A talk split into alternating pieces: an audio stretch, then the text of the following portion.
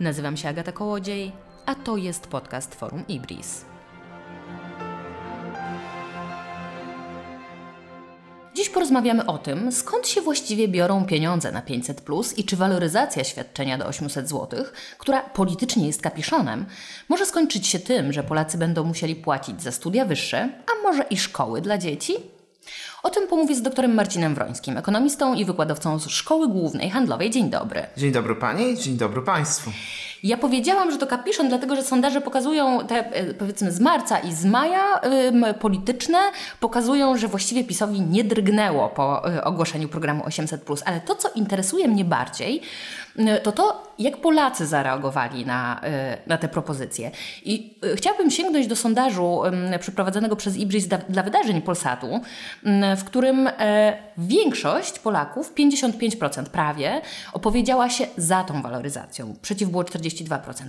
Ale jak już ich zapytać, tę samą grupę, czy chcieliby, zgodnie z pomysłem Donalda Tuska, żeby ta waloryzacja nastąpiła od 1 czerwca, bo przecież już teraz cierpią z powodu drożyzny, a nie od 1 stycznia e, przyszłego roku, to już proporcje są odwrotne. Większość mówi, nie, nie, od czerwca to nie. 53% jest e, przeciw, 42% jest za. Jakieś pomysły, panie doktorze, dlaczego właściwie Polacy chcą te pieniądze, ale jeszcze nie teraz? Jest to pytanie raczej do politologa niż do ekonomisty. Wydaje mi się, że pełnym wyjaśnieniem może być to, że wyborcy Prawa i Sprawiedliwości wierzą w narrację swojej partii, która mówi, że ten program można wprowadzić od stycznia, bo nowy rok budżetowy, bo będzie już niższa inflacja i myślę, że zwłaszcza, że ten argument inflacyjny, to znaczy waloryzujemy 500 plus, ale dopiero kiedy ta inflacja będzie wyraźnie niższa, trafia do części elektoratu także nie głosującego na Prawo i Sprawiedliwość.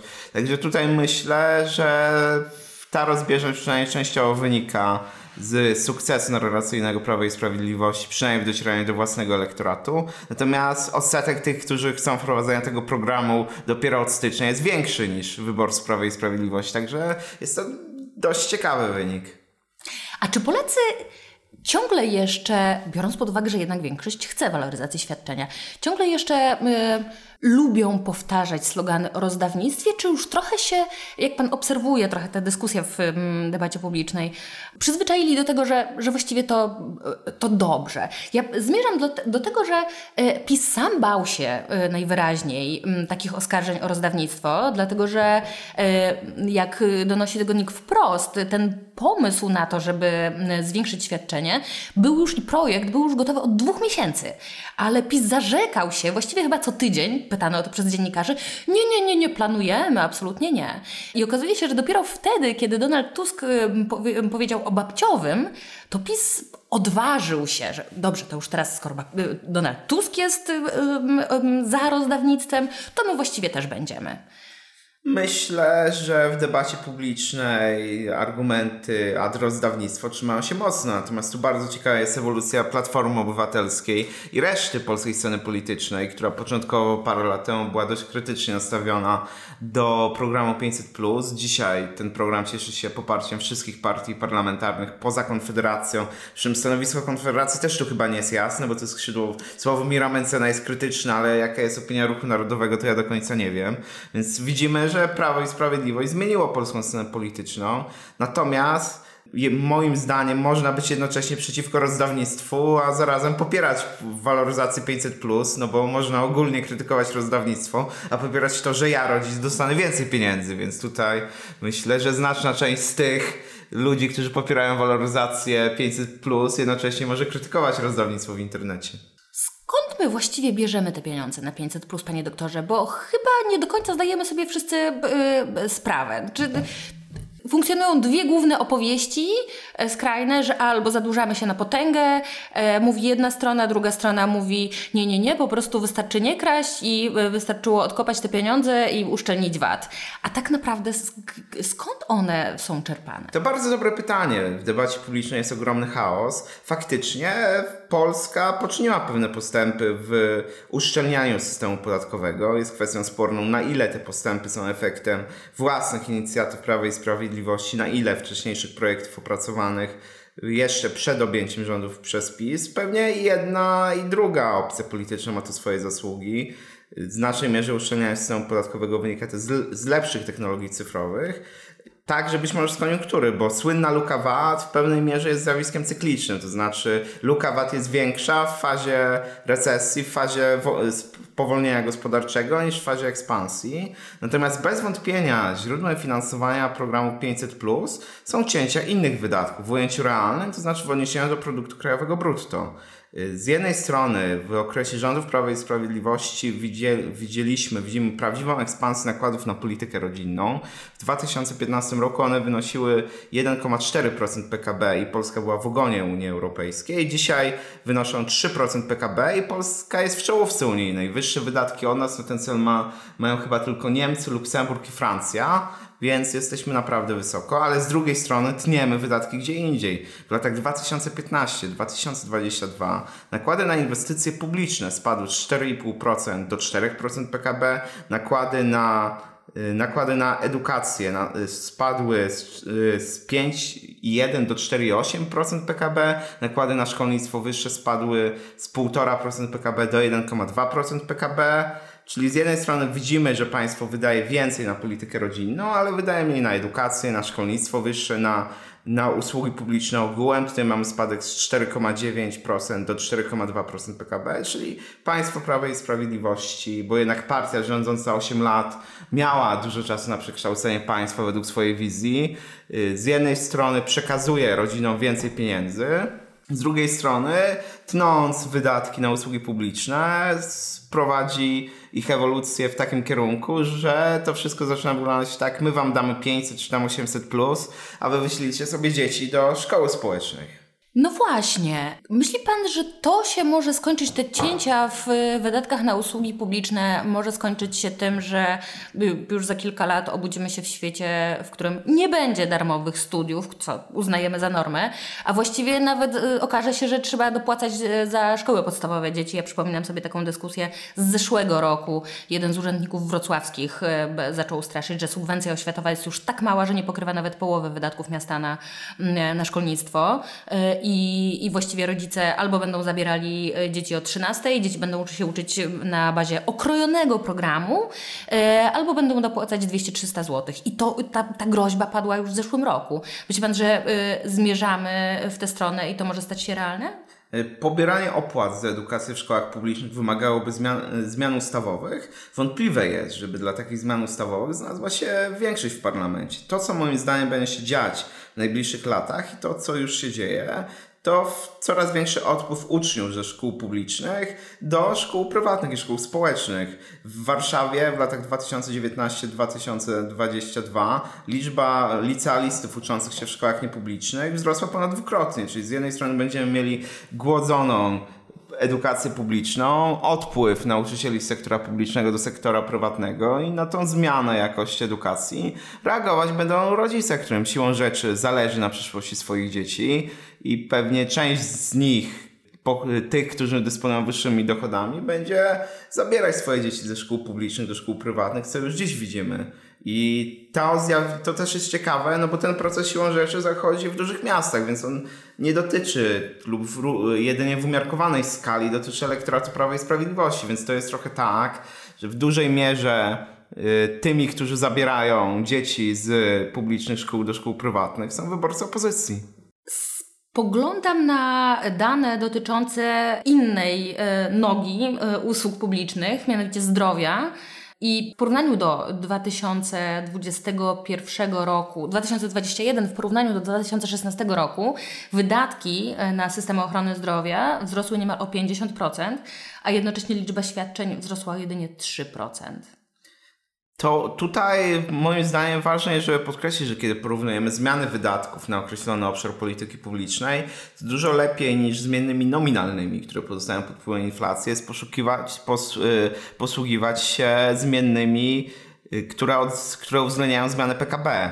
Czyli tutaj rzeczywiście jest tak, że wydatki na ochronę zdrowia rosną y, jednocześnie nominalnie i w ujęciu do PKB, przy czym one były rekordowo niskie w Unii Europejskiej i wciąż są niskie, natomiast znaczna część tych dodatkowych nakładów idzie nie bezpośrednio na dodatkowe świadczenia medyczne, a na wzrost wynagrodzeń w służbie zdrowia, no, który jakoś chroni tą służbę zdrowia przed dalszym odpływem kadr. Pewnie gdyby te wynagrodzenia nie rosły, to odpływ kadr z systemu publicznego byłby jeszcze większy, ale dana informacja o stagnacji liczby udzielanych świadczeń raczej sprawia, że można zastanawiać się, w jakiej mierze pacjenci otrzymają poprawę odczuwają konsekwencje dodatkowych wydatków na ochronę zdrowia i mi wydaje się, że w niewielkim stopniu. Znaczy widzimy też, że wydłużają się kolejki do lekarzy specjalistów. Prawdopodobnie gdyby nie dodatkowe nakłady, to byłoby jeszcze gorzej, ale argument, że gdyby nie, nie działanie X byłoby jeszcze gorzej, raczej nie trafia do elektoratu, bo tego nie widać.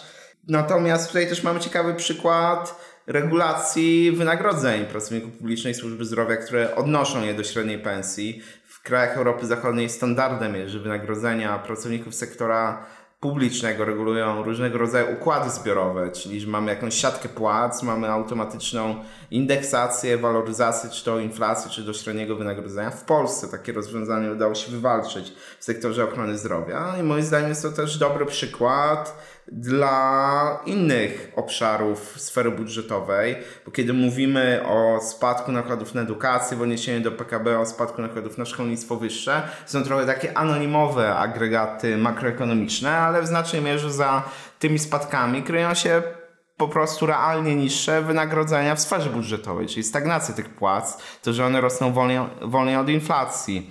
Na realnym spadku wzrostu wynagrodzeń w sferze budżetowej Czyli na tym, że być może te wynagrodzenia trochę rosną nominalnie, ale rosną dużo wolniej niż inflacja, państwo polskie zaoszczędziło około 1% PKB, więc jeżeli jeżeli zobaczymy waloryzację 500 plus do 800 plus, co pewnie stanie się faktem, to w znacznej mierze za tą waloryzację zapłacą pracownicy sfery budżetowej i inne obszary polityki publicznej. No właśnie, bo ja zastanawiam się jeszcze, wracając do tego tematu, skąd pieniądze na 500, plus, czy też za chwilę 800, plus, no to e, właściwie obie narracje, którymi posługujemy się w przestrzeni publicznej, że rząd nie ma własnych pieniędzy oraz y, że to są tylko nasze pieniądze, które zbierze od podatników i tylko je może rozdysponować, to też nie jest prawda. Spróbujmy krótko jakoś w miarę i w miarę zrozumiale, jeśli to się da, wyjaśnić, skąd państwo ma pieniądze. To znaczy, że państwo nie jest jak gospodarstwo domowe, że albo zarobi, albo ewentualnie zaciągnie kredyt, to wtedy też trochę może mieć ewentualnie w portfelu, bo y, mam wrażenie, że y, ciągle jest to niezrozumiałe, skąd w państwie biorą się pieniądze na tego typu wydatki? Okej, okay. to pytanie Panie można traktować na dwóch poziomach. Po pierwsze, skąd państwo ma pieniądze, a po drugie, skąd w ogóle biorą, biorą się, się pieniądze, pieniądze w gospodarce. Może zacznijmy od tego pierwszego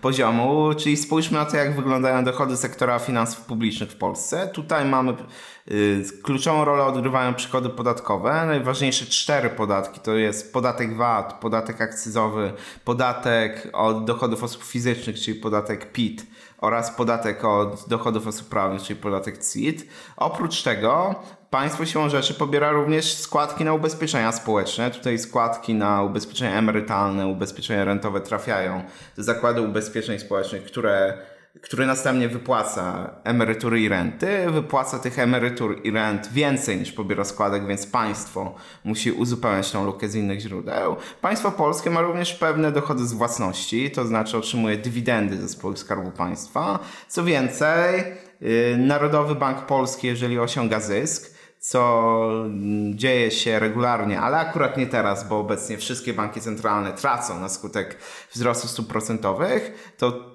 znaczna część tego zysku e, Banku Centralnego, Narodowego Banku Polskiego jest wpłacana do Skarbu Państwa.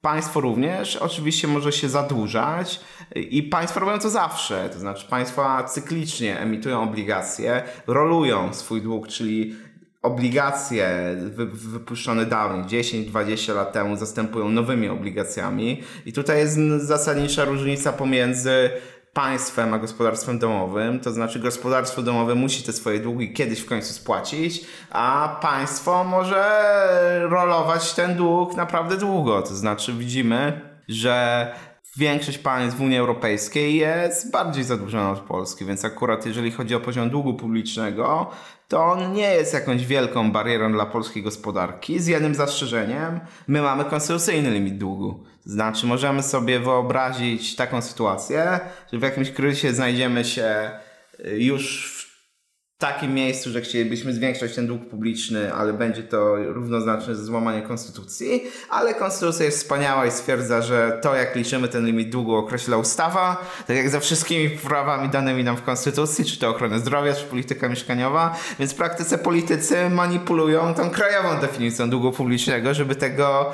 limitu konstytucyjnego nie przekroczyć. Do pewnego poziomu da się to zrobić. Pytanie, jak długo, ale jak na razie nie ma z tym problemu, bo tutaj z jednej musimy też pamiętać, że mamy dwie definicje długu publicznego. Tak, krajowa nie uwzględnia długu pozabudżetowego, to znaczy długu PFR, długu w Banku Gospodarstwa Krajowego. Natomiast te unijne Tam, gdzie te długi masowo ostatnio Tak, tak, natomiast upychamy. te unijne definicje to one patrzą na cały sektor y, general government, czyli na całą sferę finansów publicznych i tam PFR czy BGK są wliczone. Więc te unijne definicje długu publicznego obejmują obie te instytucje. Natomiast to, że coraz więcej długu jest poza kontrolą parlamentu, jest oczywiście problemem, no bo jednak kontrola parlamentarna jest ważną, yy, ważną instytucją zapewniającą przejrzystość finansów publicznych, a teraz powstają jakieś takie superfundusze, którymi dysponuje premier według nie do końca określonych zasad. Tam dochodzi do jakichś paradoksów, że Fundusz Przeciwdziałania COVID wypłaca chyba 14 emeryturę i to wszystko oczywiście nie ma sensu, ale jest jak jest. I tu dochodzimy y, do momentu, w którym y, należy się zastanowić, no dobrze, to skąd te wszystkie pieniądze właściwie się biorą w systemie, że tak można bez końca rolować ten dług y, i bez końca go, go generować, bo nie ma określonego zasobu pieniędzy w gospodarce ostatecznie nie ma określonego zasobu pieniędzy w gospodarce. To znaczy, jeżeli spojrzymy na gospodarkę realną, to widzimy, że wartość produkcji w długim okresie, na przestrzeni kilku, kilkunastu lat rośnie. Nasze gospodarki produkują coraz więcej dóbr i usług i tak samo rośnie podaż pieniądza w gospodarce. Banki centralne są emitentami waluty, natomiast znaczna część kreacji pieniądza odbywa się w systemie bankowym, to znaczy banki udzielają kredytów, które tworzą nowe depozyty i to dobrze, że podaż pieniądza rośnie wraz z rozwojem gospodarczym, ponieważ inaczej mielibyśmy do czynienia z deflacją, ze spadkiem cen, który zniechęca do inwestycji, jest szkodliwy dla gospodarki. Oczywiście kilkunastoprocentowa inflacja jest szkodliwa, ale inflacja w celu inflacyjnym wynosząca około 2%, w Polsce jest 2,5% plus minus 1 punkt procentowy, nie jest szkodliwa dla gospodarki. I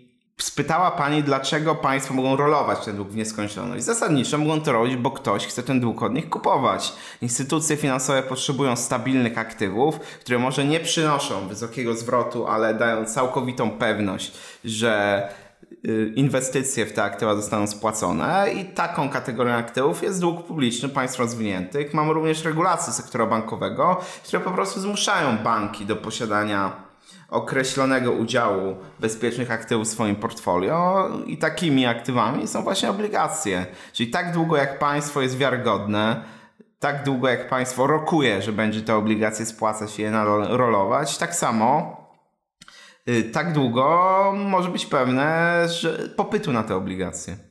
I dlatego Stany Zjednoczone, jako najbardziej wiarygodny kraj na świecie, mają gigantyczny dług i teoretycznie są na skraju bankructwa, nie mogąc y, zapewnić sobie dalszego finansowania, rolowania. A mimo to nikt nie uważa, że tak, Stany Zjednoczone. Przykład Stanów Zjednoczonych jest bardzo ciekawy, bo tam jest właśnie skuteczny limit długu. Czyli jak u nas w Konstytucji jest limit, który można bardzo łatwo omijać, zmieniając definicję, no to oni faktycznie mają głupotę w postaci nominalnego limitu długu, czyli kwoty, kwoty wyrażonej w dolarach. No jak gospodarka rośnie, no to ten limit długu jest w ujęciu relatywnym do PKB w ujęciu realnym coraz mniejszy, więc oni mają cyrk z nowelizacją tego co, co kilka lat. No i im wyższa jest polaryzacja polityce amerykańskiej, tym większe ryzyko, że w końcu się nie dogadają.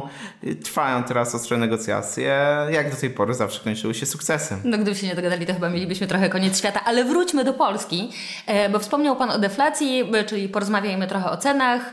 E, dziś raczej mamy problem z inflacją i ekonomiści właśnie wracając do wątku 800, e, na przykład taki Ludwik Kotecki, członek Rady Polityki Pieniężnej, straszy, że przez 800 wybuchnie nam inflacja, tak że stopy procentowe nie będą mogły spaść e, wcześniej niż na koniec 2025 roku.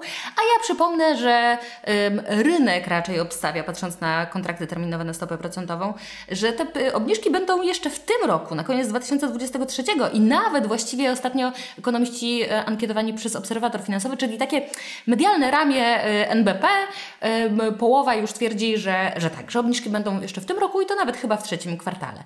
To rzeczywiście pańskim zdaniem, bo powiedzmy sobie, że e, jasno jeszcze trochę uszczegóławiając przedstawienie y, pana doktora, y, idzie pan raczej często pod prąd y, mainstreamowym ekonomistom, zwanym często liberalnymi. Więc pytanie, jak z pańskiej perspektywy wygląda kwestia tego, jak bardzo to 800 plus może nam pompować jeszcze inflację, nie pozwolić jej spadać? Wie pani, to nie jest tak, że ja staram się iść jakoś pod prąd, jestem ekonomistą akademickim starać się mówić prawdę o faktach takimi, jakie są, więc samo zwiększenie konsumpcji w okresie wysokiej inflacji jest bez wątpienia pewnym czynnikiem proinflacyjnym, Natomiast musimy tutaj pamiętać o różnicy pomiędzy zmiennymi nominalnymi, a zmiennymi realnymi, czyli zmiennymi odniesionymi do PKB. Jeżeli utrzymalibyśmy 500 plus na niezmienionym poziomie, to znaczyłoby, że, że nakłady na ten cel w ujęciu realnym w odniesieniu do PKB spadają, więc w ujęciu realnym ten wzrost konsumpcji na skutek y, waloryzacji 500 plus będzie dużo mniejszy niż w ujęciu nominalnym.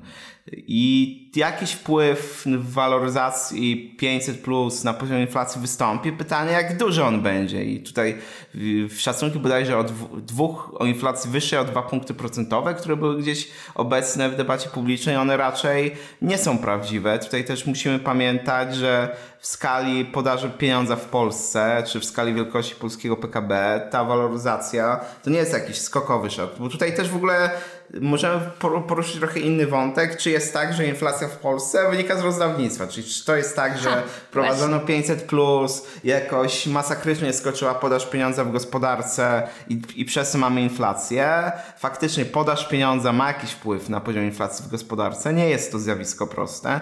Natomiast jeżeli inflacja w Polsce miałaby być skutkiem wzrostu podaży pieniądza, to byłby to przede wszystkim efekt y, pakietów pomocowych dla biznesu mających na celu utrzymanie miejsc pracy wprowadzonych w okresie pandemii COVID.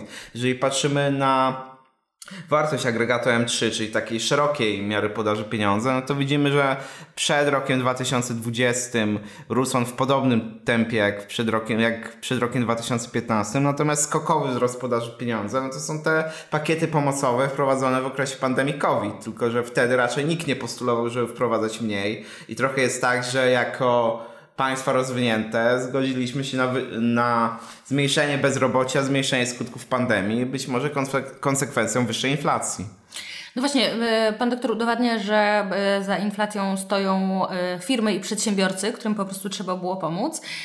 Ja sobie przypominam, że Cenea i już jakiś czas temu udowodniła, że to 500 plus y, trafia przede wszystkim do bogatszych, więcej tego strumienia pieniądza trafia do bogatszych niż do najbiedniejszych, dlatego że w 20% najbogatszych gospodarstw domowych, te dwa górne decyle, y, zgarniają prawie 25% y, środków z całego programu, natomiast dwa najniższe decyle dochodowe, 20 naj, najbiedniejsze, najbiedniejszych procent polskiego społeczeństwa, najmniej zarabiających, zgarnia o połowę mniej tych środków, więc jakby wniosek jest taki, kto stoi za, y, za inflacją pompowaną trochę przez 500, plus, też ci bogaci, a nie ci biedniejsi. Może wróćmy trochę do tej kwestii firm, no bo to też musimy pamiętać, że te pakiety wsparcia dla biznesu w założeniu miały służyć ochronie miejsc pracy przynajmniej częściowo ochronie miejsc pracy służyły. Czyli to też nie jest tak, że te setki miliardów złotych wzięli jacyś prezesi firm do kieszeni. Oczywiście w pewnej mierze pewnie tak się stało, że te pakiety pomocowe chroniły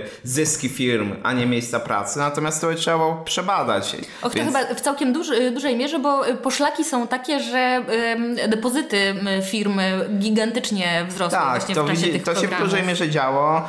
Depozyty firm też, widziałem takie statystyki, że bardzo wyskoczyła sprzedaż luksusowych aut w okresie tych pakietów pomocowych, ale przechodząc do tych statystyk Cenei, to one są prawdziwe, ale musimy pamiętać, co liczymy, no bo jaki jest warunek otrzymywania 500+. Podstawowym warunkiem otrzymywania 500+, jest posiadanie, jest posiadanie dziecka. dziecka poniżej 18 roku życia, a te dwa najniższe decyle, które dostaną najmniej, to są przede wszystkim gospodarstwa domowe emerytów, no, które beneficjentami programu 500+, być nie mogą, no bo tych dzieci już nie ma, natomiast znaczna część tych emerytów prawdopodobnie popiera 500 plus dla swoich wnuków. Czyli tutaj, jeżeli myślę, że gdybyśmy zawężyli tą naszą próbę gospodarstw domowych tylko do tych gospodarstw domowych, w których są dzieci, no to to rozwarstwienie dochodów z 500 plus pomiędzy decylami byłoby dużo mniejsze. Więc technicznie tak, więcej 500 plus trafia do bogatszych gospodarstw domowych niż do biedniejszych, ale to wynika głównie z tego, że w tych biedniejszych gospodarstwach domowych to są przede wszystkim gospodarstwa domowe emerytów i tam dzieci nie ma. Ciekawe jest pytanie, czy w tej grupie wiekowej, w której dzieci się posiada, ludzie bogatsi mają więcej ludzi, mają więcej dzieci niż ludzie biedniejsi. Tutaj dokładnych badań nie znam. Widzimy w danych to, że te gospodarstwa domowe, które mają więcej dzieci, mają większą wartość majątku, czyli zgromadzonych aktywów, natomiast to w dużej mierze może wynikać z takiego efektu, że jeżeli ktoś ma więcej dzieci, to musi kupić większe mieszkanie, więc musi więcej, więcej oszczędzać i zmniejszyć swoją konsumpcję. Czyli akurat tutaj to technicznie tak, więcej nakładów z 500 plus trafia do bogatych gospodarstw domowych ale gdybyśmy zawężyli próbę gospodarstw domowych do gospodarstw domowych, w których są dzieci, to to zróżnicowanie byłoby mniejsze. A może by tak spróbować ograniczyć proinflacyjny efekt 800 y, plus i próbować wprowadzić jakieś kryterium dochodowe, jednak biorąc pod uwagę, jak dużo wydatków, na przykład na zbrojenia, czeka nas w najbliższych latach. Profesor Ryszard Bugaj kilka dni temu y, na antenie TVN-u postulował, żeby mm, nie otrzymywali 500 plus ci, którzy zarabiają dwukrotność przeciętnej, średniej krajowej przeciętnej pensji. Co pan na to? Tutaj są jakby dwa takie y, główne, dwie główne linie sporu. To znaczy, z jednej strony jest taka linia, czy świadczenia społeczne powinny być uniwersalne, żeby zmniejszać stygmatyzację. I druga linia sporu jest taka, czy wprowadzenie progu dochodowego może być efektywne. To znaczy, po pierwsze, czy można wprowadzić taki próg dochodowy, żeby istotnie zmniejszyć nakłady na 500, i po drugie, czy, czy wprowadzenie takiego progu dochodowego byłoby drogie. Są opinie niektórych uczestników debaty publicznej, że wprowadzenie takiego progu dochodowego byłoby drogie. Mi się nie wydaje, żeby tak było, bo dzisiaj mamy już system zinformatyzowany w Ministerstwie Sprawiedliwości i wydaje się, że weryfikacja dochodów jest dość prosta. Też zawsze śmieszą mnie argumenty, że państwo, które jest w stanie posługiwać, posługiwać opozycji za pomocą systemu Pegasus nie jest w stanie weryfikować dochodów podatników. To zawsze mi się wydaje jakiś taki, taki bardzo uroczy oddźwięk, że jak trzeba posługiwać opozycję, to możliwości techniczne są. Jak trzeba weryfikować dochody, to możliwości nie ma. Ja raczej Doda, jest... Dodajmy, że weryfikować dochody, które to państwo samo rozlicza, tak. wyliczając tam automatycznie. Ja raczej nie jestem zwolennikiem wprowadzania progu dochodowego w świadczeniu 500.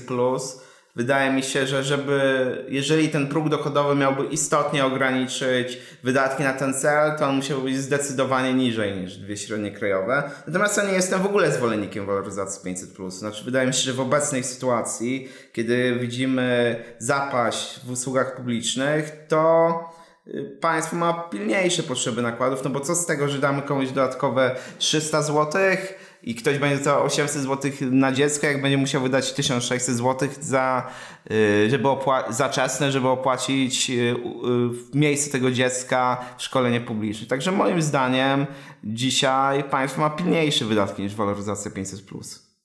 Czy, dlaczego w ogóle właściwie nie rozmawiamy o tym, że Pilniejszym wydatkiem są zasiłki rodzinne, które nie były waloryzowane od 2016 roku. E, zwracał na to ostatnią uwagę European Anti-Poverty Network. Te progi dochodowe też nie drgnęły. One są dzisiaj na poziomie 674 zł na osobę. A ja przypomnę, że y, od czasu, kiedy to nie było waloryzowane, skumulowana inflacja, liczyłam wczoraj, wynosi tam 48, prawie 50%. I nic z tym nie robimy. W, tej, jeśli chodzi o zasiłki dla tych zupełnie najbiedniejszych. Zgadzam się, to jest skandal. To znaczy, z jednej strony mamy i program 500, plus, y, który, na który wszyscy patrzą, jak się zmienia wartość pieniędzy. Z drugiej strony mamy dużo innych świadczeń, które nie są waloryzowane. I ogólnie zasada waloryzacji świadczeń społecznych jest słuszna, ale nie rozumiem, dlaczego ma ona dotyczyć tylko jednego programu akurat w roku wyborczym. No to trudniej wytłumaczyć innymi względami niż polityką. Tutaj też można wskazać, że ten polski system świadczeń społecznych jest bardzo skomplikowany. To znaczy mamy jeden wielki program 500+, mamy też masę innych programów, to znaczy mamy świadczenia rodzinne, zasiłki mieszkaniowe, mamy również y, zasiłki stałe, Także moim zdaniem tutaj te wszystkie świadczenia być może trzeba by zintegrować w jakieś jedno świadczenie, to znaczy to też jest skomplikowany problem, no bo przecież część tych świadczeń społecznych nie trafia do rodzin, w których są dzieci, ale przynajmniej świadczenie rodzinne można by chyba częściowo zintegrować ze świadczeniem 500+. Na koniec e, tak się zastanawiam, skoro właściwie wszyscy już z tego 500 plus urządzili sobie e, narzędzie polityczne i nawet y, Platforma Obywatelska do niedawna, liberalna, chce nawet przyspieszać takie świadczenie. Zastanawiam się, czy to jest tylko przedwyborcza szopka i czy spodziewa się Pan, że polska scena polityczna po prostu i w ogóle debata o gospodarce na tyle się zmieniła i PiS ją zmienił przez y, ostatnie lata, że, że to 500 plus jest naprawdę nieruszalne i różne inne świadczenia i takie skierowanie ku obywatelowi i odklejenie się od dogmatu, że, że pieniędzy nie ma, czy jakby jest jednak takie ryzyko, że w świetle wielkich wydatków, na przykład na wspomniane wcześniej zbrojenia, przyjdzie w końcu mm, Platforma i powie razem z opozycją, zakładając, że wygrają wybory, jeśli by się tak wydarzyło, wjedzie na białym koniu i powie pieniędzy nie ma i nie będzie. I wróci ta stara opowieść o tym, że po prostu pieniędzy nie ma. Myślę, że, że PiS rzeczywiście zmienił polską debatę publiczną w tym zakresie i że dzisiaj nikt 500 plus nie zlikwiduje. Natomiast kwestią otwartą jest to, czy to świadczenie będzie waloryzowane. Musimy pamiętać, że tak naprawdę znaczenie mają zmienne realne. Jeżeli mamy, nie wiem, inflację 10%, a 500 plus nie jest waloryzowane, to znaczy, że państwo zaoszczędziło 10% nakładów na ten cel w ujęciu realnym. Także myślę, że 500 plus nikt nie zlikwiduje. Kwestią otwartą jest to, czy będzie ono waloryzowane. Realnie patrząc, wydaje się, że w czerwcu albo w lipcu ma być ustawa już procedowana w Sejmie, więc pewnie tą waloryzację do 800 plus będziemy mieli. Pytanie, jakim kosztem? I tutaj też bardzo ciekawym zjawiskiem, chociaż wykraczającym poza taką twardą ekonomię, a przechodząc do sfery tak politycznej, jest słabość środowisk liberalnych. No bo w Polsce mamy dużo liberalnych, prowolnorynkowych think tanków, ale one nie proponują jakichś alternatywnych rozwiązań dla 500 plus. Być może dlatego, że 500 plus samo w sobie jest programem dość prorynkowym. No, kto pierwszy wprowadził powszechne świadczenia na, na dzieci? No, niemiecka konserwatywna partia CDU z Ludwikiem Erhardem, który chciał powstrzymać lewicę w Niemczech, bo to rzeczywiście, zwłaszcza w tych polskich warunkach, kiedy usługi na, kiedy, kiedy nakłady na usługi publiczne są zamrożone w ujęciu nominalnym i spadają w ujęciu realnym w odniesieniu do PKB, to coraz bardziej wydaje się, że 500 Plus to program, który polega na tym, żeby dać gospodarstwom domowym dodatkowe dochody, aby mogły kupić świadczenia na wolnym rynku. Czyli 500 Plus ratuje rynek.